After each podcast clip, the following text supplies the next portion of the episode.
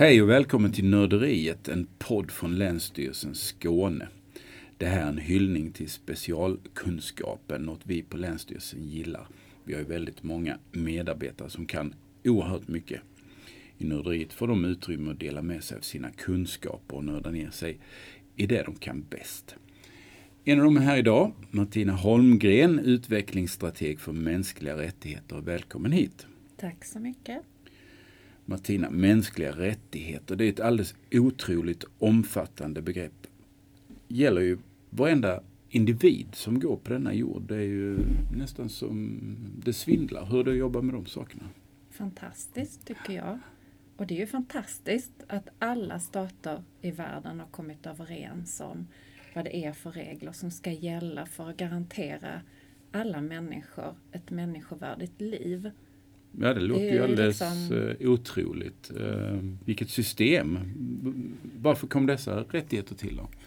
Om vi backar bandet lite historiskt, så mm. 70 år sedan så samlades företrädare för alla världens stater. Eh, det hade precis varit, ett, andra världskriget hade avslutats. Och det stod klart att man kunde inte lita på, eller det kunde inte vara upp till varje stat att eh, ta vara på sin egen befolkning. Det stod ju ganska klart när man tittar på att stater som vände sig mot sina egna, som torterade dem och tog från människor sin egendom, eh, nazisternas massmord på judar, eh, ja, fruktansvärda levnadsförhållanden, inte rent vatten och så vidare. Man fick leva i liksom avgränsade geografiska områden. Um, och det här eh, tog världssamfundet på stort allvar. Man var tvungen att hitta regler för eh, alla människor i alla världens länder, även i fredstid. Liksom. Hur ska man behandla människor? Och just det här att, att inte kunna riktigt lita på, på enskilda stater, att de faktiskt garanterade människor ett mm. människovärdigt liv. Det låter ju som en ganska stor uppgift som ja. man då gjorde på, men eh, gjorde man det på en eftermiddag eller hur, hur lång tid tog detta? Nej, det tog ganska lång tid. Eh, FN tillsatte en kommission eh, för att man då skulle förhandla fram en förklaring.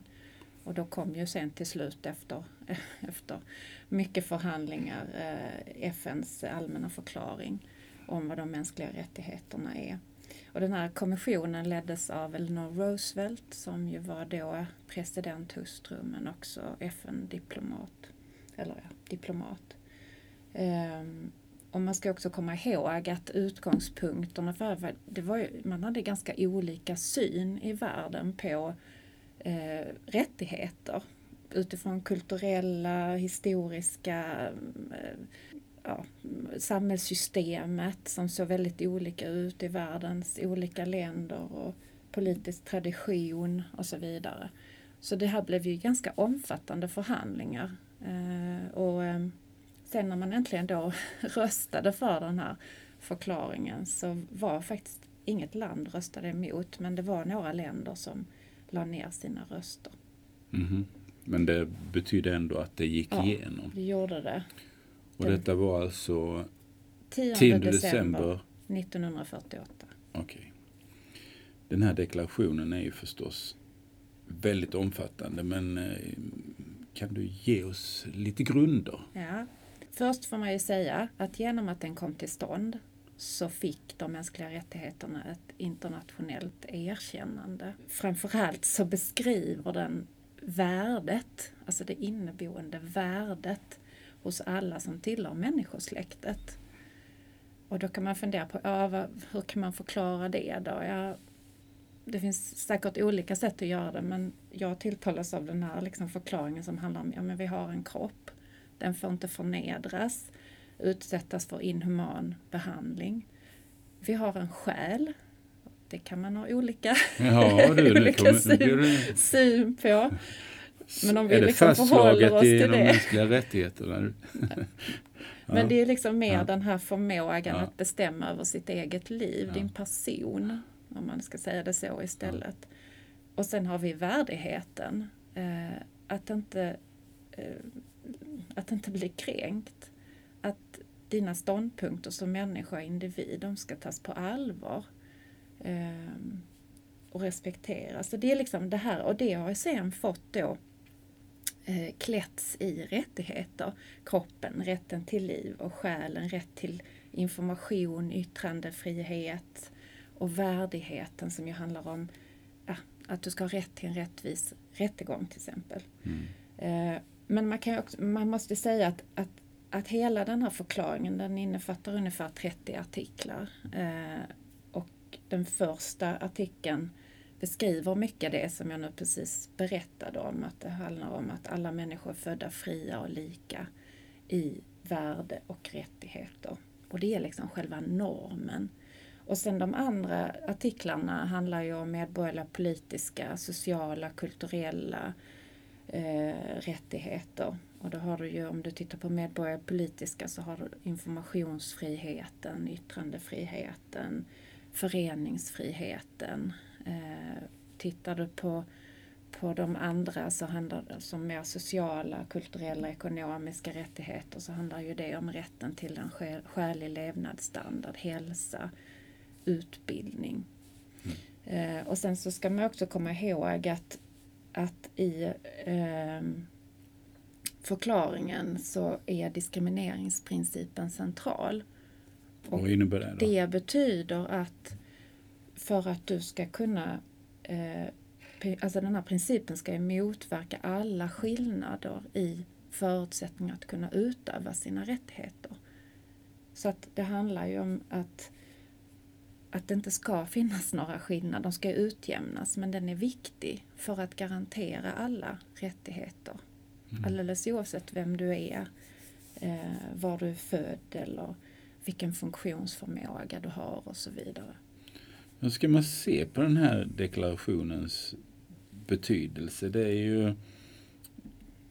Det här du berättar ju, det är ju ett fantastiskt innehåll, men det är ju egentligen ingen lag utan en överenskommelse. Mm. Så hur, eh, hur stark är den? Det är ju sant att det är den allmänna förklaringen är ju en politisk överenskommelse. Och det betyder ju att den då inte är juridiskt bindande för, för staterna. Eh, som en konvention blir om man ratificerar konventionen. Men Ratificerar för, ja, alltså skriver under? Och, ja, precis. Ja. Men, ja. Mm. Och då kan man säga att det finns, eh, förklaringen är en del utav sedvanerätten. Och vad betyder det då? Ja, det betyder att när det har rått en enighet under ganska lång tid om en fråga eller som i det här fallet de här principerna då i förklaringen så åberopas det som juridiskt giltig kan man säga. Så att den här förklaringen har det, eh, har liksom, eh, det är inte ett formellt juridiskt dokument men det, stor, eh, det råder stor enighet om de här principerna. Och då åberopas det som sedvanerättsligt och bindande. Och det finns svenskt exempel på det och det handlar om eh, allemansrätten som ju inte är formellt nedskriven men den tillämpas ju ändå. Okej, okay, så det, det finns vissa sådana här och man kan, man kan säga som ett svenskt exempel. Ja. Men, men i FN-systemet då eller då internationellt så, så har man den här då tolkningen av då i det här fallet allmänna förklaringen som då ingår i sedvanerätten. Då. Mm. Så den får en mycket starkare status eh, än vad den kanske i princip då egentligen har haft från början som mer en politisk överenskommelse. Då. Men var åberopar man den då? Sedvanerätten. Ja, nej, men alltså sådär om jag känner att nej, men det här är ju ett det här är ju ett brott mot, eh, mot eh, de mänskliga rättigheterna. Var, var, mm. var, var vänder jag mig då mm. för, med ett sådant klagomål? Mm, då kan man säga så här att eh, om man får beskriva lite mer vad hände sen efter förklaringen då? Mm. Ja, då har det ju kommit flera konventioner, eh, MR-konventioner om vi förkortar det, konventioner för mänskliga rättigheter. Och de är ju en utveckling av eller ett förtydligande av eller förstärkning av de rättigheterna som då eh, beskrivs i eh, den allmänna förklaringen. Eh, och de blir ju då juridiskt bindande för stater som då ratificerar dem eller då skriver under dem. Eh, och då ställer det ju krav, om en, om en stat har gjort det, så ställer det ju krav på staten hur man ska då säkerställa att de här rättigheterna införlivas då i staten, alltså att man har ett fungerande rättsväsende, samhällsinstitutioner som då har uppdrag att säkerställa rättigheterna eh, i lagstiftning, hur man då lyfter in rättigheter tydligt i lagstiftning eller eh, skapar nya lagar. Eh, och eh, att man tillsätter ekonomiska resurser i en stat för att man ska säkerställa och garantera att, att rättigheterna då förverkligas. Så, så det är alltså ett, ett helt liksom system liksom någonstans som då ska, mm. ska garantera mm. de här rättigheterna. Och de här konventionerna, hur många är de till antalet då ungefär? Det, det finns ungefär ett 60-tal normer kan man säga, alltså det vill säga rättigheter som ska garantera då individens lika värde och värdighet från mm. födseln. Mm. Eh, och sen så brukar vi prata om sju eh, sju eh, eh, konventioner som har en lite kan man säga, särstatus då eller som kärnkonventioner. Mm. Eh, och de konventionerna eh, är, handlar om medborgerliga politiska rättigheter. Det förstärker det som står i allmänna förklaringen. Det handlar om eh, ekonomiska, sociala, kulturella rättigheter. Mm. Eh, avskaffande av alla former av diskriminering mot kvinnor. Kvinnokonventionen som man brukar säga. Konventionen mot tortyr, eh, annan omänsklig eller förnedrande bestraffning eller behandling. Barnets rättigheter som ju är på väg att bli lag i Sverige, barnkonventionen. Som är eh, lag i Norge? Ja, precis. Eh, konventionen om rättigheter för personer med funktionsnedsättning. Eh, exempelvis då. Mm. Och sen rasdiskriminering. Så det, det, här brukar man prata om. Här har vi liksom sju stycken kärnkonventioner. Sen är Sverige också ansluten till flyktingkonventionen. Vi har ratificerat Europakonventionen skydd för de mänskliga rättigheterna. Och vi är bunden av EUs rättighetsstadga. Ehm, och sen så finns eh, eh, de här svenska åtaganden då för mänskliga rättigheter ju i regeringsformen. Det står ju att den offentliga makten ska utövas med respekt för alla människors lika värde och för den enskilda människans frihet och värdighet.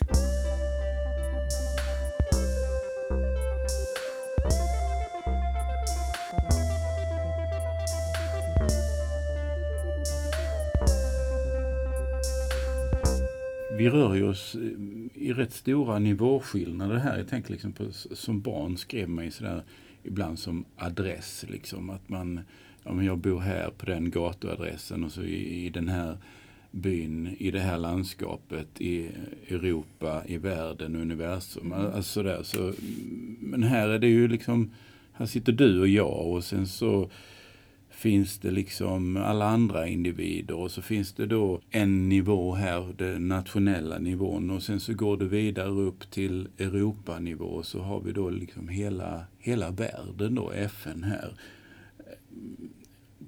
Är det möjligt, liksom, kan du förklara för mig hur det här liksom hänger ihop, det här systemet från vilka, alltså FN säger någonting och sen så kan det få betydelse för mig mm. som individ. Jag ska, jag ska försöka. Tack. Men i FN-systemet, där har du ju liksom, man kan säga lite ramverket eh, politiskt. Mm. Förklar, allmänna förklaringen och sen så har vi då konventioner som ytterligare förtydligar eller förklarar rättigheter som blir rättsligt då bindande för en stat som då väljer att ratificera. Det är olika överenskommelser, det är politiska och det är liksom rättsliga överenskommelser. Och Sverige som jag har pratat om att vi, när vi ratificerar, det vill säga när vi skriver under och vi åtar oss. Mm. Nu, ska vi, nu ska vi leva upp till de här rättigheterna och det ska garanteras i hela vårt samhällssystem ju, från liksom lagstiftning till ekonomiska resurser till Eh, alltså hur vi säkerställer till exempel rätten till eh, att få gå i skola eller utbildning med ett skolsystem, en skollag och ja, tillräckliga resurser för att säkerställa alla barns liksom, rätt till att gå i skolan. Ehm, och ehm, det är ju det här som ett lagstiftande, man förvandlar de här åtaganden till lag och rättsväsenden. Att det här är jätteviktigt, alltså att det är oberoende domstolar. För att man ska ju ha rätt som människa att kunna överklaga eh, eller om man framföra klagomål om man upplever att eh, rättigheter som man har, är, har blivit, att man har blivit kränkt. Och att man då har rätt till en rättvis rättegång eller så. Och sen eh, har man då eh, inte bara liksom att, att det är, är systemet som ska liksom säkerställas för en stat utan du har också ibland så bestämmer du dig för att men det är viktigt att vi har särskilda lagar då som ytterligare förstärker de här rättigheterna i landet. Och då har vi i Sverige till exempel en diskrimineringslag. Vi har MR-konventioner som finns i socialtjänstlagen eller i skollagen eller i hälso och sjukvårdslagen till exempel. Och eh, genom att det här syns på olika sätt i lagar och i, i, eh, i systemet, till exempel då i skollagen eller socialtjänstlagen eller vallagen eller så, så synliggör man ju rättigheter och garanterar dem också för människor. Eh, och vi har en politik, alltså från, kommer vi ner på nationell nivå, det är inte bara då i liksom lagstiftande eller rättsväsende eller, eller så vidare. Men vi har också en politik i Sverige, nationell politik eh, för eh, mänskliga rättigheter. Vi har ett nationellt mål att vi ska säkerställa eh, full respekt eh, för Sveriges internationella åtaganden om mänskliga rättigheter. Det finns en nationell strategi för hur det arbetet ska se ut. Myndigheter får särskilda uppdrag. Länsstyrelsen är en sådan myndighet som har i uppdrag i sin länsstyrelseinstruktion att vi ska belysa, analysera och beakta de mänskliga rättigheterna i all vår verksamhet. Eh, och så har man kanske gett uppdrag till olika eh, organisationer eller överenskommelser eller, eller så för att stärka kunskapen om de mänskliga rättigheterna och på, på det sättet då liksom, så får det ju sen då effekt för dig som individ att när du kommer i kontakt med vården till exempel så ska ju inte du bli diskriminerad. Eh, eller att du ska ha rätt till eh, utbildning eller bostad eller du ska få lov att gå och rösta och så vidare. Liksom. Mm. Så det, då påverkar ju det dig som individ i hur, hur vi har organiserat eh, efterlevnaden mm. av de mänskliga rättigheterna i, från liksom FN och till liksom ett nationellt och som sen kommer ner till ett, ett ganska så eh, lokalt perspektiv. Jag tänker medborgarinflytande som till exempel att man kan skicka in medborgarförslag i en kommun som, som har det eller att ja, man får gå och rösta eller delta i olika samrådsprocesser eller så. Det är en ganska fin väv du liksom beskriver här. Och, alltså, det borde egentligen inte, det borde vara, funka fint allting men, men hela världen är ju med om detta i princip ju. Eh, men ändå så finns det nationer där vi tänker oss och tror att de mänskliga rättigheterna kanske inte respekteras som de gör i vårt land. Vad händer då om, om de inte följs? Man kan säga så här, utgångspunkten är ju att varje land eh, har ett ansvar att se till att de mänskliga rättigheterna omsätts i praktiken i då ett fungerande rättsväsende, i lagstiftning, i undervisning, i ja, socialt stöd och så vidare. Så det, det är det egna landet har ju en skyldighet att bära upp de mänskliga rättigheterna eh, och att se till att de förverkligas, att människor kan åberopa sina rättigheter. Mm. Eh, och det är också den enskilda staten som har skyldighet att se till att man kan få en upprättelse om man, om man blir kränkt. För det är bara stater, om man nu ser det i ett internationellt perspektiv, så, och, och det är kanske här vi ska också förklara då, vad är liksom maktförhållandet här? Vad är ansvaret? Det är staten eller det allmänna som är ansvarsbärarna. Det är de som mm. ska garantera den enskilda individen sina rättigheter. Mm. Individen är rättighetsinnehavare och har sina rättigheter och i kontakter med det allmänna, om det är sjukvården eller det är någon annanstans i det allmänna, så ska de rättigheterna infrias och garanteras. Så där ska inte finnas skillnader. Finns det skillnader eller ojämlikheter så är också det allmänna ansvariga att se till att, att de motverkas eller utjämnas. Så det här är det viktiga liksom, förhållandet mellan vem som har rättigheterna och var rättigheterna ska åberopas och vem som ska ställas till svars om mm. inte det fungerar. Så i ett internationellt perspektiv då så, så är det bara stater som kan ställas till svars för om, om det, det är kränkningar mm. av de mänskliga rättigheterna. Eh, samtidigt som det är en internationell angelägenhet. Eh, och därför så är det ju fullt liksom legitimt för stater att framföra åsikter om eh, och försöka påverka situationen i länder där vi vet att, att det pågår ganska grova kränkningar mot, mot människors rättigheter. Och då eh, kan man göra det. Eh, då till exempel FNs råd för mänskliga rättigheter har ett möte och då kan man liksom lyfta de frågorna. Och de, det görs också särskilda ländergranskningar. Man kallar det för Universal Periodic Review. Ja, är det någon typ av eh, kontrollsystem? Ja. För det var lite grann det jag funderade över. Om det finns någon som liksom kollar det här då så ser att ja men Sverige är bra, Nordkorea är inte så bra. Eller ja men hur går det till? Ja, det är en form av granskning. Det som skiljer detta eh, mot, det finns också en annan granskning som jag alldeles strax kommer till här. Men det här handlar ju om att eh, om man gör en sån här typ av granskning i FNs råd för mänskliga rättigheter, då, eh, då är det länder som, alltså medlemsstater som utför den här. Sen är det så att alla de här MR-konventionerna, alltså konventionerna för mänskliga rättigheter, har sina egna granskningskommittéer. Det innebär att med en viss periodicitet så, så eh, granskas medlemsländerna då som har ratificerat då de här konventionerna.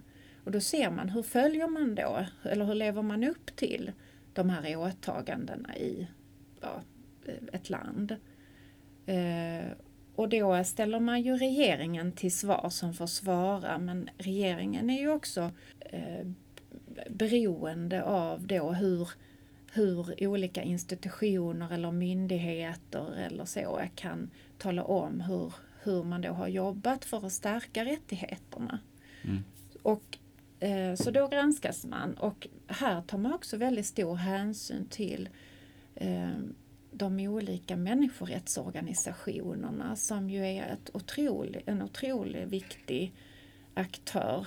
De granskar ju mm. eh, oberoende då hur stater lever upp till rättigheter och skickar sina, då, man kallar det ibland för skuggrapporter för att eh, påvisa de då skillnader som finns. Mm. Så det är också en typ av kan man säga då, granskning.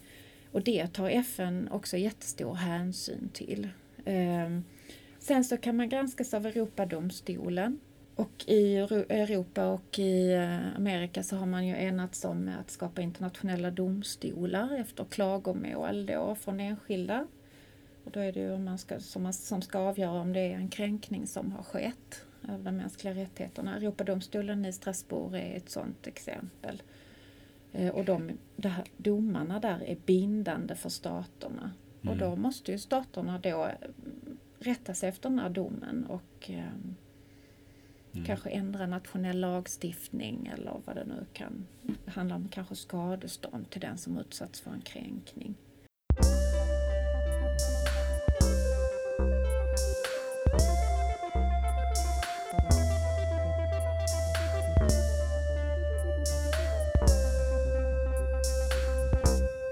Funderar lite här, för alltså vi vet ju alla att det finns ett antal stater som många har synpunkter på.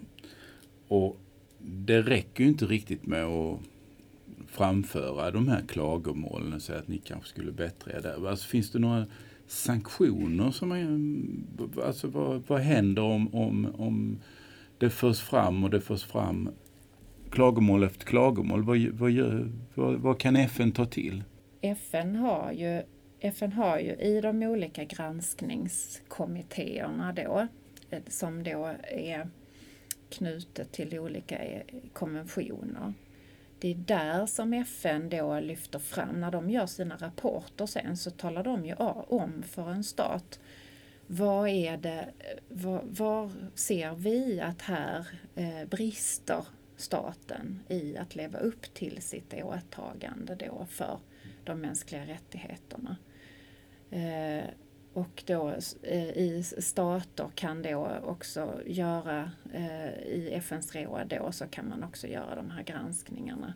Man rapporterar ju då hur man lever upp till Ja, men om man till, då inte gör det så... Ja, då kan det ju om vara... inte är nöjda då heller. Nej, om man inte är nöjda då heller så kan man väl säga att det är ju tillbaka till den egna staten. Mm. och då kan man ju kanske tycka, är de maktmedlen inte så starka då? Men det, det handlar också om en prestigeförlust för det landet. Att, att om man då inte eh, lever upp till eh, de, de här rättigheterna som man internationellt har kommit överens om så, så blir det också en, en, eh, en, en, ett internationellt anseende då som försämras.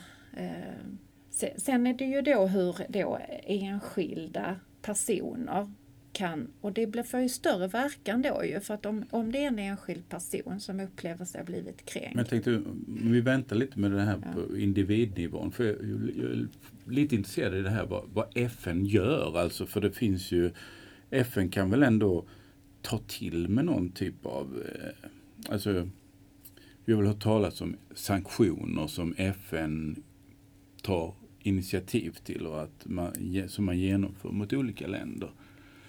Är det en del i det här eller?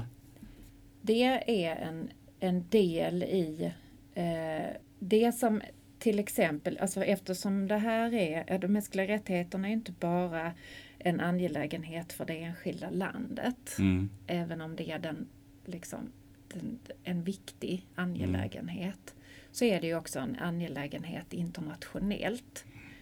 Eh, och därför är det ju fullt legitimt för andra stater att åberopa eller framföra sina åsikter och försöka påverka situationen i då ett land som uppenbart då beroende av var de här, den informationen kommer ifrån liksom kränker människors rättigheter på olika sätt. Och det ser vi ju i olika länder. Och då, då kan ju då FN ta till olika då maktmedel för att, eh, för att då förstärka eh, skyddet för eh, de mm. människor som lever och bor i det, det landet. Mm.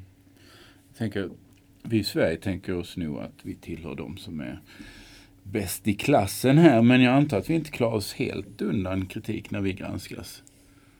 Nej, så är det ju. Eh, samtidigt som Sverige har nått betydelsefulla framgångar i arbetet och det får vi ofta beröm för och de granskningskommittéerna, rapporterna som då olika FN-kommittéer eh, lämnar till Sverige. Att, ja, och det gäller liksom nivåer på valdeltagande, på jämlikhet och jämställdhet, uppväxtvillkor och, och så. Eh, rättssäkerhet till exempel. Men det är väl klart att Sverige har också fällts för brott eh, eh, mot den europeiska konventionen för de mänskliga rättigheterna.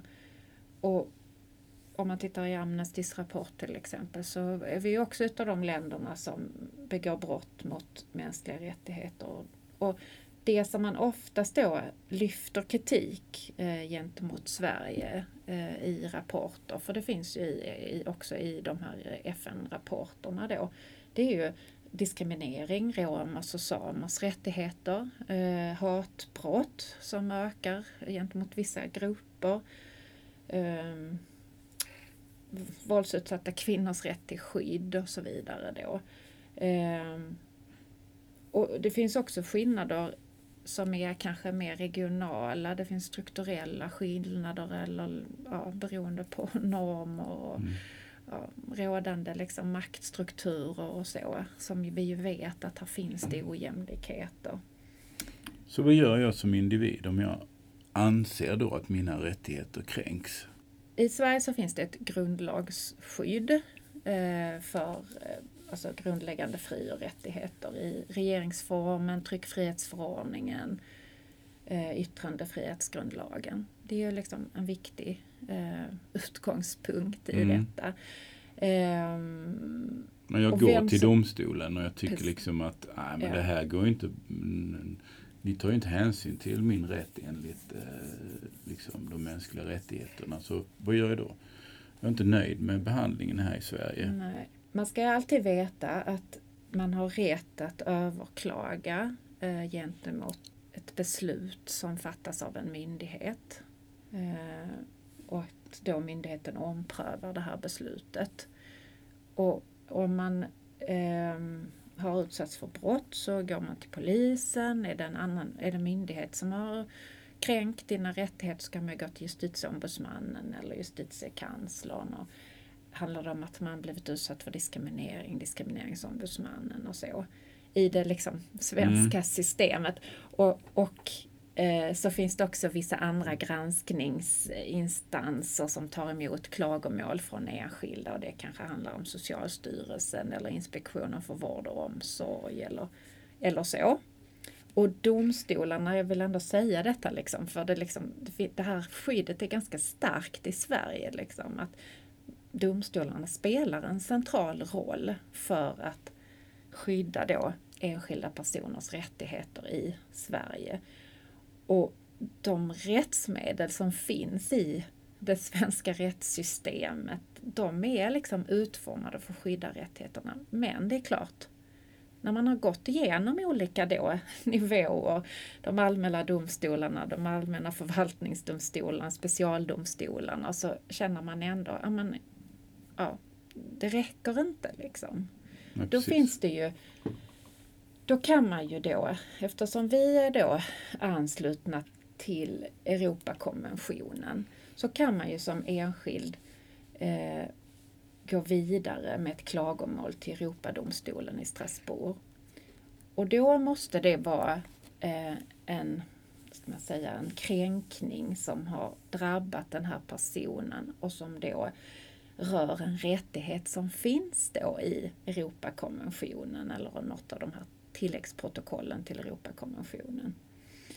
Eh, och, och då handlar ju det om medborgerliga politiska rättigheter. Eh, det handlar om kvinnors rättigheter, diskriminering av personer på grund av etnisk tillhörighet eller rättigheter för personer med funktionsnedsättning. Till exempel. Eh, och så finns det vissa granskningskommittéer då i FN som också tar emot enskilda klagomål.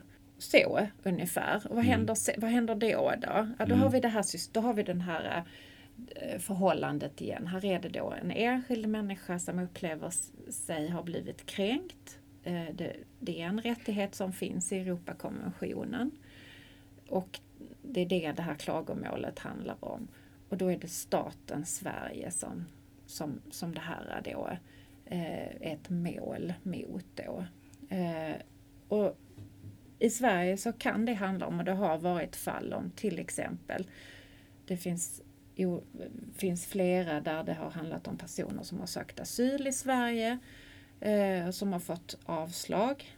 Eh, det kan ha varit att asylskälet har varit att man eh, har blivit förföljd i hemlandet på grund av tidigare politiskt engagemang eller så. Det har varit liksom asylskälet då. Eh, Och då handlar det här målet om att man upplever att man då har blivit kränkt då eh, enligt artikel 3 i Europakonventionen när det handlar om, om att utvisa personen. Och då, det, den, det, kan handla, det kan vara ett sådant mm. klagomål då. Om, om Sverige då blir dömd, ja då kan det innebära att vi måste ändra i lagstiftningar eller vi måste kanske eh, ge upprättelse till den, den enskilde på något sätt. Eh, och så. Mm.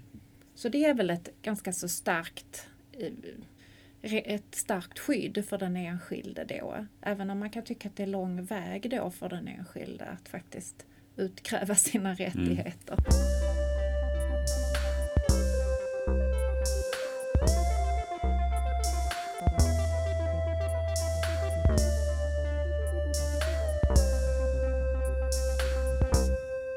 Jobbar vi i Sverige på något sätt för att liksom öka respekten för de eh, mänskliga rättigheterna? I takt med eh, att de mänskliga rättigheterna har utvecklats, för man kan ju också se de här MR-konventionerna är också en, handlar ju om den tidens diskussion eller eh, utveckling av de mänskliga rättigheterna. Man tar exemplet med till exempel personer med funktionsnedsättning och, och som ett exempel. Och då man, kan man också säga att, att det, det på, har ju också påverkat Sverige när vi då har ratificerat de här konventionerna. Hur har då det nationella arbetet i Sverige utvecklats?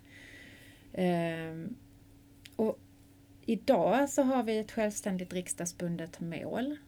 Det är inte så särskilt gammalt, men det finns. Ehm, och det handlar ju om att säkerställa full respekt för Sveriges internationella åtaganden.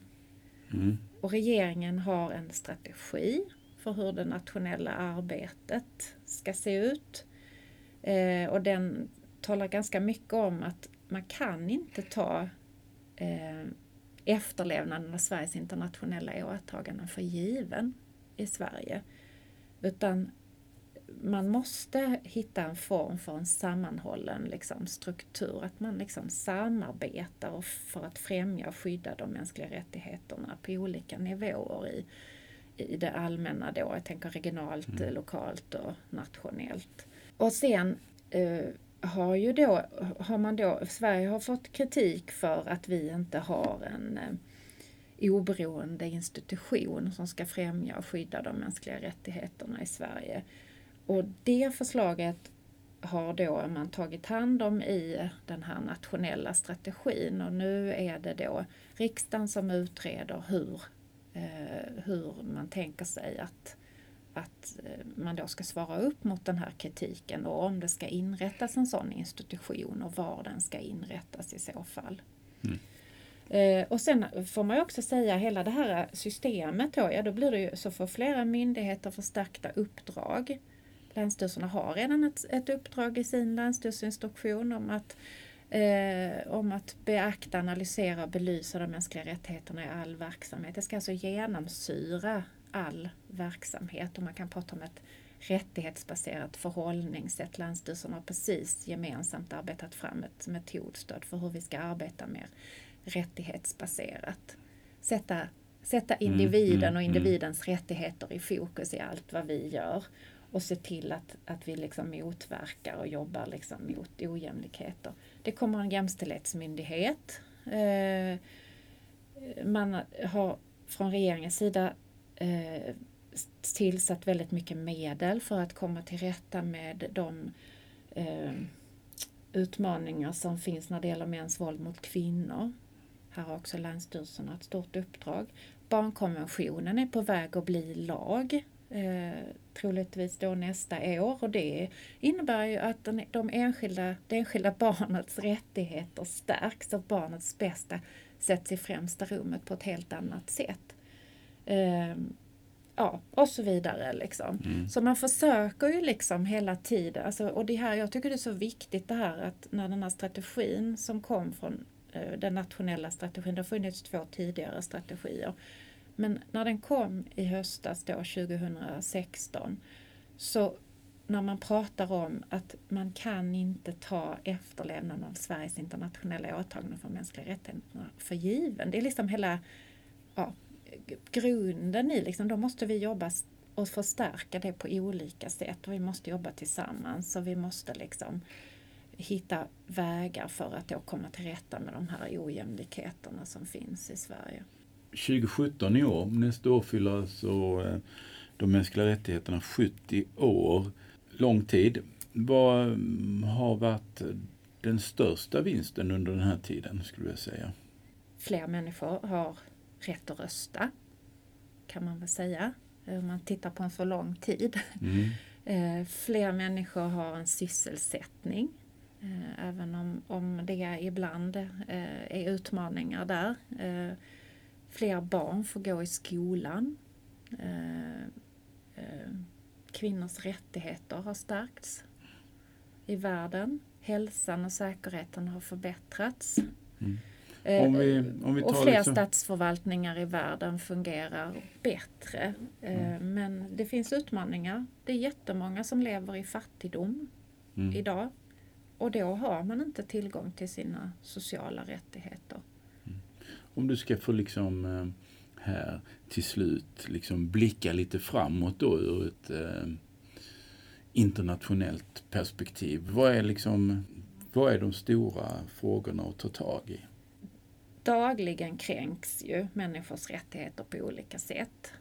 Eh, och det vet vi av eh, statsförvaltningen, av eh, liksom ett, ett polis eller rättsväsende. Man har inte rent vatten, eh, man kanske inte har eh, barn, får inte gå i skola och så vidare. Och då är det ju jätteviktigt att, att liksom regeringar alltså på olika nivåer i världen, både internationellt men också då i liksom varje land, att man liksom säkerställer att, att man jobbar tillsammans. Och då är det ju alla som har liksom uppdrag, som har ansvar, som är ansvarsbärare. Men också det civila samhällets organisationer som ju är otroligt viktiga aktörer att, att liksom skydda eh, de mänskliga rättigheterna och, och, och, ha väldigt bra koll på hur ser det ut med enskilda individers rättigheter som kan göra, utgöra ett viktigt underlag för att faktiskt kunna fatta rätt beslut om vilka åtgärder man behöver vidta. Um, vi ser ju Agenda 2030 eh, det kan man säga som eh, en, en viktig fråga att, att liksom ändå lyfta rättighetsperspektiv, för det är ju integrerat i alla de här 17 globala målen mm. eh, för hållbar utveckling och man ska, man ska försöka då komma till rätta med att avskaffa extrem fattigdom, minska ojämlikheter och orättvisa, eh, och lösa klimatkrisen. Och alla de här sakerna det påverkar ju människors rättigheter på olika sätt. Så Agenda 2030 och de globala målen för hållbar då, utveckling är ju eh, viktigt i liksom, då, utvecklingen av eh, rättigheter och hur vi kommer då till rätta med ojämlikheter. Eller garantera rättigheter och hur vi kommer till rätta med då ojämlikheter. Som den allra sista frågan Martina, finns det någon fråga där du tycker att FN inte har lyckats tillräckligt bra? Det är utmaningar när det gäller eh, den extrema fattigdomen till exempel. Eh, det är jättemånga människor i världen som lever i fattigdom. Det är jättemånga barn i världen, miljontals barn, som fortfarande inte har Eh, en möjlighet att gå i skolan. Det är väl en jättestor utmaning, tänker jag, med barn som då är extra sårbara och där vi behöver jobba extra mycket för att säkerställa barnets rättigheter. Att ha en skolgång för att också kunna få eh, kontrollen över vetskapen om vilka rättigheter har jag som människa eh, och hur man då också sen ska kunna åberopa dem och komma vidare i, i, i sin utveckling. Och, mm. um, livet. Ja. Det, det, där liksom att, att det fortfarande är en sån stor utmaning, tänker jag är... Det är kanske så att eh, de här mänskliga rättigheterna, att det är någonting som, som inte infrias fullt ut utan att det är liksom en, ett ständigt arbete. Ja, så är det ju. Det är ju ett ständigt arbete för att eh, säkerställa att det inte uppstår nya ojämlikheter eller, eller, ny, alltså, eller att, att inte att, inte det, alltså att vi inte då gör tillräckligt för att motverka de ojämlikheter som, som finns. Och det är ett ständigt ansvar som en stat har att skydda, respektera och fullfölja de mänskliga rättigheterna. Att se till att man faktiskt på allvar både vet vad de bakomliggande orsakerna till eh, att människor inte har lika tillgång till sina rättigheter är. Det är en viktig, eh, ett, en viktig eh, kunskap och insikt som en stat måste ha för att kunna då också förstå vad är det vi behöver göra för att vi verkligen ska komma till rätta med en, en utmaning med då tillgängliggöra rättigheter för alla. Därför att samhället utvecklas eh, och då, och då behöver, jag också, behöver man ju också garantera, fortsatt garantera rättigheter. Mm. Jag tror det får bli slutorden här idag. Alltså att eh, mycket har gjorts med de mänskliga rättigheterna men det är liksom ett eh, ständigt arbete och ett ständigt ansvar. Så eh, alla får fortsätta jobba helt enkelt. Tackar dig så jättemycket Martina Holmgren för att du har talat mänskliga rättigheter med oss här idag. Eh, tack till er som har lyssnat. Vi här från Nörderiet återkommer med andra spännande ämnen lite längre fram. Tack för idag.